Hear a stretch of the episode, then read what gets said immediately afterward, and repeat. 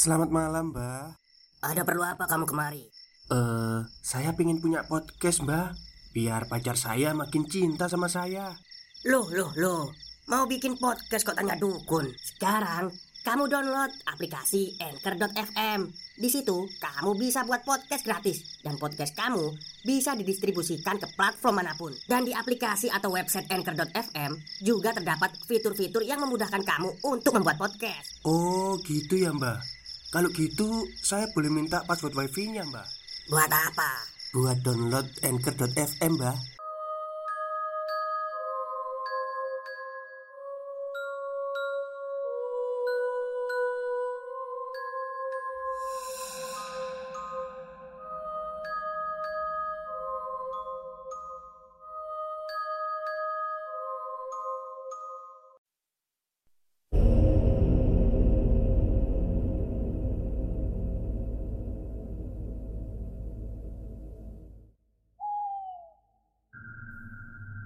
Assalamualaikum warahmatullahi wabarakatuh. Halo semuanya Jumpa lagi dengan saya Chow Sing Sing Kurator dari podcast Horror Night Story. Halo apa kabar semuanya? Semoga kalian semua baik-baik saja ya. Dan seperti biasanya pada malam hari ini Saya kembali dan akan menghadirkan sebuah kisah mistis untuk kalian semua Kisah mistis kali ini adalah lanjutan dari cerita yang tadi siang saya bawakan ya Tentang lukisan seram yang didapatkan dari pelelangan online. Oke daripada kita berlama-lama Mari kita simak ceritanya. Pada hari berikutnya Setelah malam tanpa tidur lainnya Aku membawa lukisan itu ke mobilku kami melakukan perjalanan bersama. Aku telah membungkusnya dengan selimut, dan lukisan itu tertutup sehingga tak ada yang bisa melihatnya. Lebih tepatnya, karena aku tidak mau melihatnya. Terlebih saat aku sedang mengemudi, ada bakar seni yang berjarak sekitar dua jam perjalanan dari rumahku. Aku mencarinya secara online dan menemukannya bahwa dia adalah seorang yang ahli dengan hal yang berbau menyeramkan dan meresahkan. Memerlukan beberapa saat untuk menemukan seseorang dengan reputasi sepertinya. Ketika aku sedang mengemudi Aku sesekali melihat balik pada lukisan itu. Dari bawah selimut, aku berani bersumpah bahwa aku melihat sedikit pergerakan. Lengkungan dan riak dari helaian itu terus menarik perhatianku dan mendistraksiku dari jalan di depan. Mungkin itu disebabkan oleh angin. Tapi aku yakin itu bukan. Kau telah mendapati dirimu sebuah benda antik, nampak dari kelihatannya. Kata pria yang kutemui, mulai menarik selimut untuk memperlihatkan sebuah bingkai berlapis emas itu. Aku menyadari bahwa aku sedang menahan nafasku menutup mataku, menunggu tanggapannya. Ketika dia melihat perempuan mengerikan yang berada dalam lukisan itu, tapi pada saat dia tersentak kaget, aku menyadari bahwa itu bukanlah reaksi ketakutan, namun reaksi dari kekaguman. Luar biasa, katanya. Aku membuka mata. Aku melihat apa yang sedang dia lihati. Wajah perempuan itu tidaklah sama. Aku memastikan dan penasaran apakah dia telah menggantikan lukisannya ketika aku sedang tidak memperhatikan. Tapi tidak, bingkainya masih sama. wanita di dalam lukisan itu juga masih sama. Hanya saja ekspresinya berubah. Bukannya tampil dengan senyuman mengerikan, dia sekarang memasang ekspresi lemah lembut di wajahnya. Seringai pasif dan lemah lembut yang tidak bisa kulihat padanya. Luar biasa. Ini adalah teknik yang melibatkan penggunaan yang kuat antara bayangan dan kegelapan dengan sedikit cahaya. Berjaga-jaga Anda tidak terbiasa mendengarnya, tapi sapuan kuasnya, ya ampun, sama sekali tidak terlihat. Ujarnya, memegang sebuah kaca pembesar untuk memeriksanya lebih teliti lagi. Itu terlihat seakan-akan dirinya hidup Sepertinya seseorang bersusah payah untuk membuat lukisan ini. Kau tahu dari mana asalnya? Apa? Aku seharusnya mengerti apa maksudnya, tapi aku terlalu lelah untuk mengingat apa maksudnya pada saat itu. Aku sekarang sudah melewati sekitar empat hari tanpa tidur dan benar-benar lelah. Kamu tahu, mengenai asal-usulnya atau berapa usia lukisan ini? Tidak, maaf, aku mendapatkannya secara online dari situs ini, kataku. Aku mengeluarkan ponselku dan mencoba menunjukkan padanya, tapi ternyata websitenya sudah tidak ada lagi. Aneh, mungkin karena gangguan uh, saya akan mengirimkan alamat websitenya saja pada Anda. Dia berpikir mengenainya beberapa menit, memeriksa lukisan itu dengan berbagai alat dan lensa pembesar.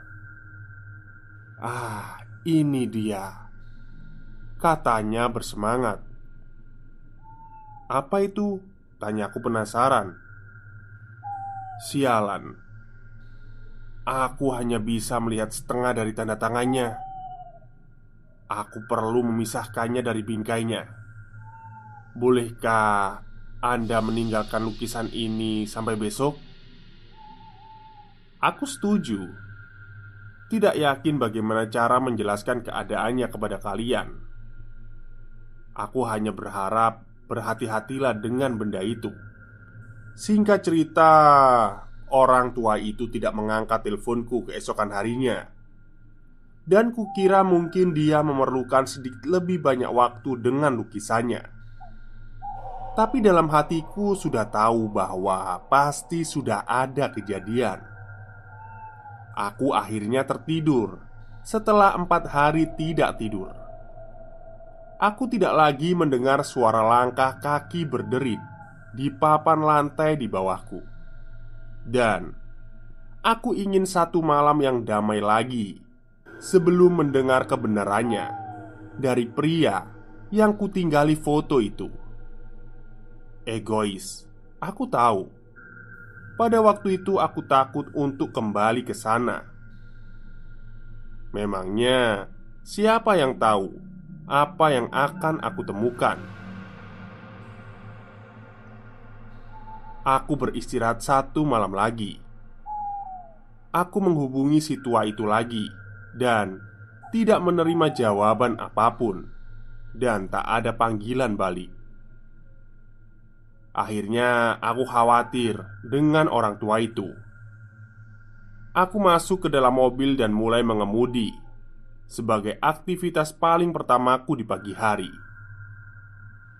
Aku tidak sarapan merasa aku akan muntah jika aku melakukannya. Meskipun perutku kurang terisi makanan, terasa seperti ada bata yang terduduk di dalamnya sepanjang perjalanan ke sana. Aku hanya berharap dia baik-baik saja. Ketika aku sampai pada studio orang itu, aku mendapati pintu depannya tidak terkunci. Aku memasuki lobi dan mendapati bagian dalamnya gelap dan kosong. Dia tidak keluar untuk menyapaku kali ini, dan rasa takut yang kurasakan terus bertumbuh dan membongkah di dalam diriku. Dengan langkah pelan dan berhati-hati, aku berjalan melewati lobi menuju ke tempat di mana studionya berada. Itu adalah tempat terakhir sebelum aku berpisah dengannya, dan aku berharap ketika aku membuka pintu, aku akan mendapatinya sedang berdiri di sana, mengerjakan sesuatu atau apalah. Aku tidak peduli. Sejujurnya, aku berharap dia menghancurkan lukisan itu, sehingga aku tidak perlu melakukannya sendiri. Dua malam menenangkan itu telah menjadikan pikiranku lebih jernih, dan tidurnya telah memberiku perspektif dan wawasan terhadap situasi. Benda itu harus dimusnahkan tapi benda itu memiliki kekuatan yang mencegahku untuk melakukannya. Aku telah ditipu untuk menggantungnya dan menunjukkannya kepada lebih banyak orang. Aku mendorong pintu bertuliskan studio. Aku masuk ke dalam ruangan gelap berikutnya. Halo, halo, Pak. Aku memanggil ke dalam ruangan yang gelap pekat itu. Suara gemericik lembut merespon. Kedengarannya bergelembung dan basah. Aku menggapai sekitaran dinding untuk menghidupkan lampu, tapi aku tak menemukan apa pun. Ruangannya masih terlelap kegelapan, dan kemudian aku mendengar kikikan tawa familiar yang pernah ku dengar di basementku. Dia, ya, wanita dalam lukisan itu. Jantungku sekarang berdegup kencang. Aku menelan ludah yang mengalir melalui tenggorokanku. Aku menggapai ponselku, mengeluarkannya dengan tangan yang gemetar. Aku membuka aplikasi flashlight. Tanganku bergemetar hebat sekali sampai aku menjatuhkan ponselku. Aku membungkuk untuk mengambilnya, dan aku mendengar ada suara gerakan di dalam kegelapan. Terdengar semakin mendekat, terdengar suara lain juga. Tetesan lembut Suara tetesan seperti atap yang bocor Hanya terdengar dari beberapa tempat berbeda. Aku mengambil ponsel dari atas lantai. Aku berhasil membukanya. Ketika aku merasakan sesosok sesuatu melewatiku dari balik kegelapan. Udara di sekitarku tiba-tiba terasa dingin.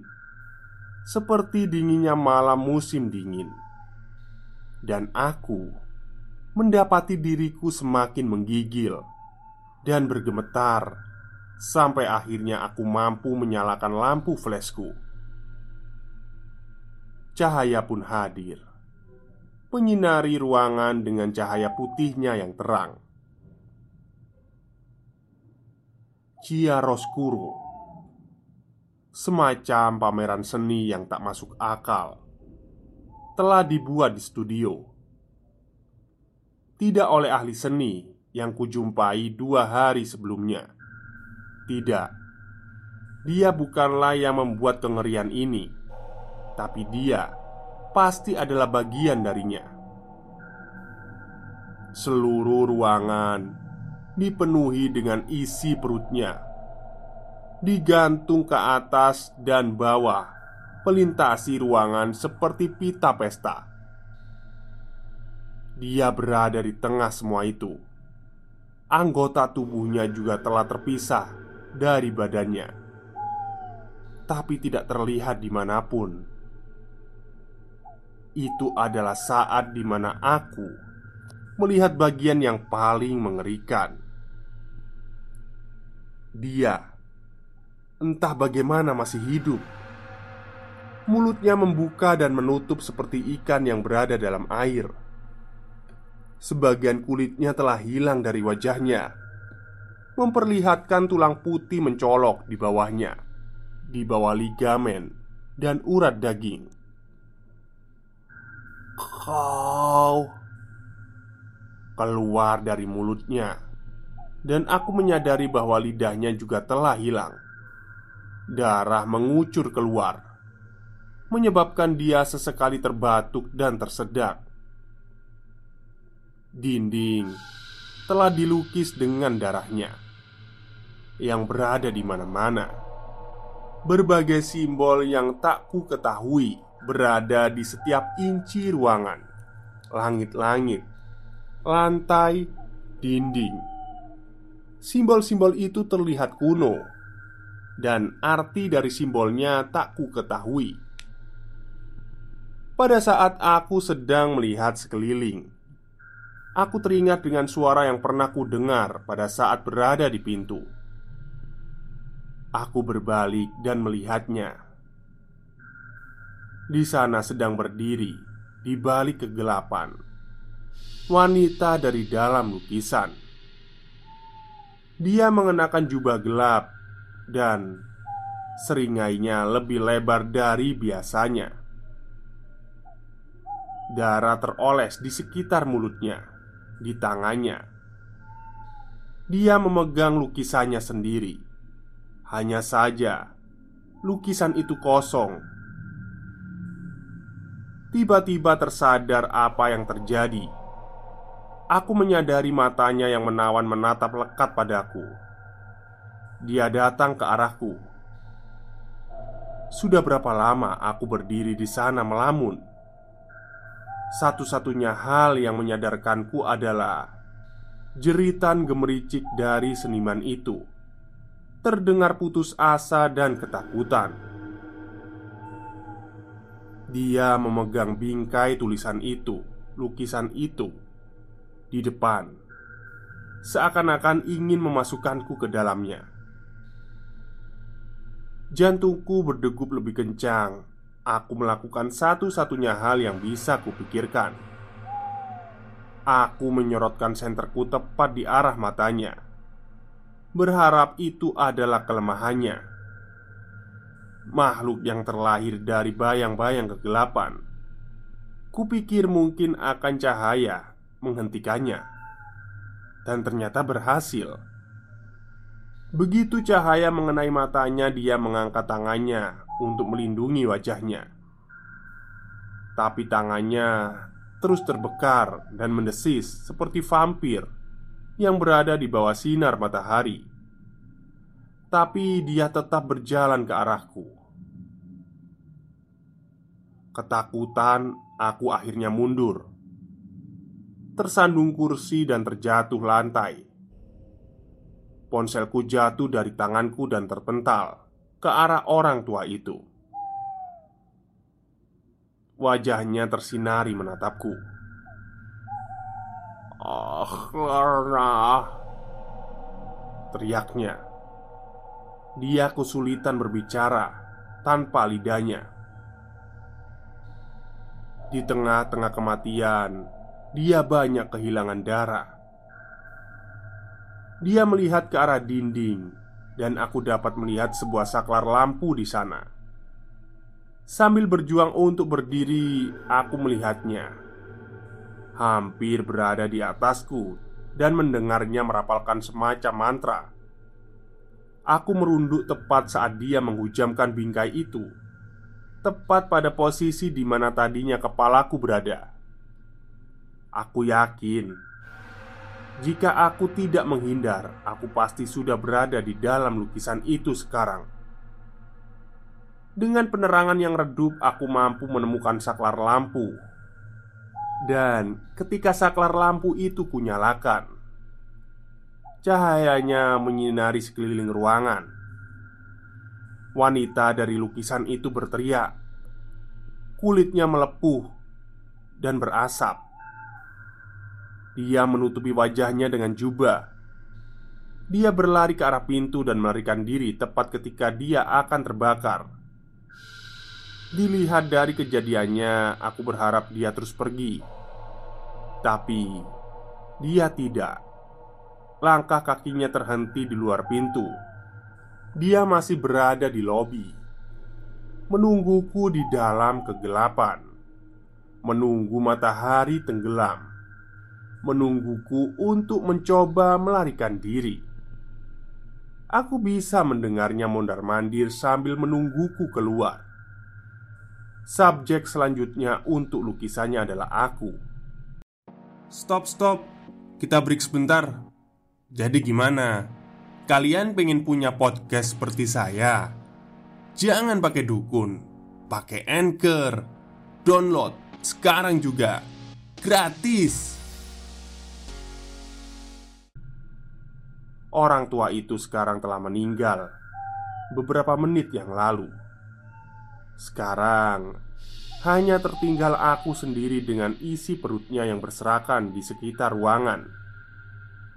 Suara tetesan darahnya mulai melambat, dan simbol darah di dinding mulai bergerak bergeser dan berubah pada saat satu-satunya lampu neon yang berada di ruangan mulai berkedip-kedip dan tiba-tiba mati. Hah, seharusnya ku bakar saja lukisan sialan itu. Baik, itulah akhir cerita dari Reddit ya, dari uh, website Reddit yang saya terjemahkan dalam bentuk bahasa Indonesia jadi intinya Sepertinya ini orang nggak selamat ya. Tapi kalau nggak selamat siapa yang menuliskan cerita ini? Atau ini mungkin cerita fiksi juga? Saya nggak tahu ya. Oke mungkin itu saja Cerita untuk malam hari ini. Kurang lebihnya saya mohon maaf. Wassalamualaikum warahmatullahi wabarakatuh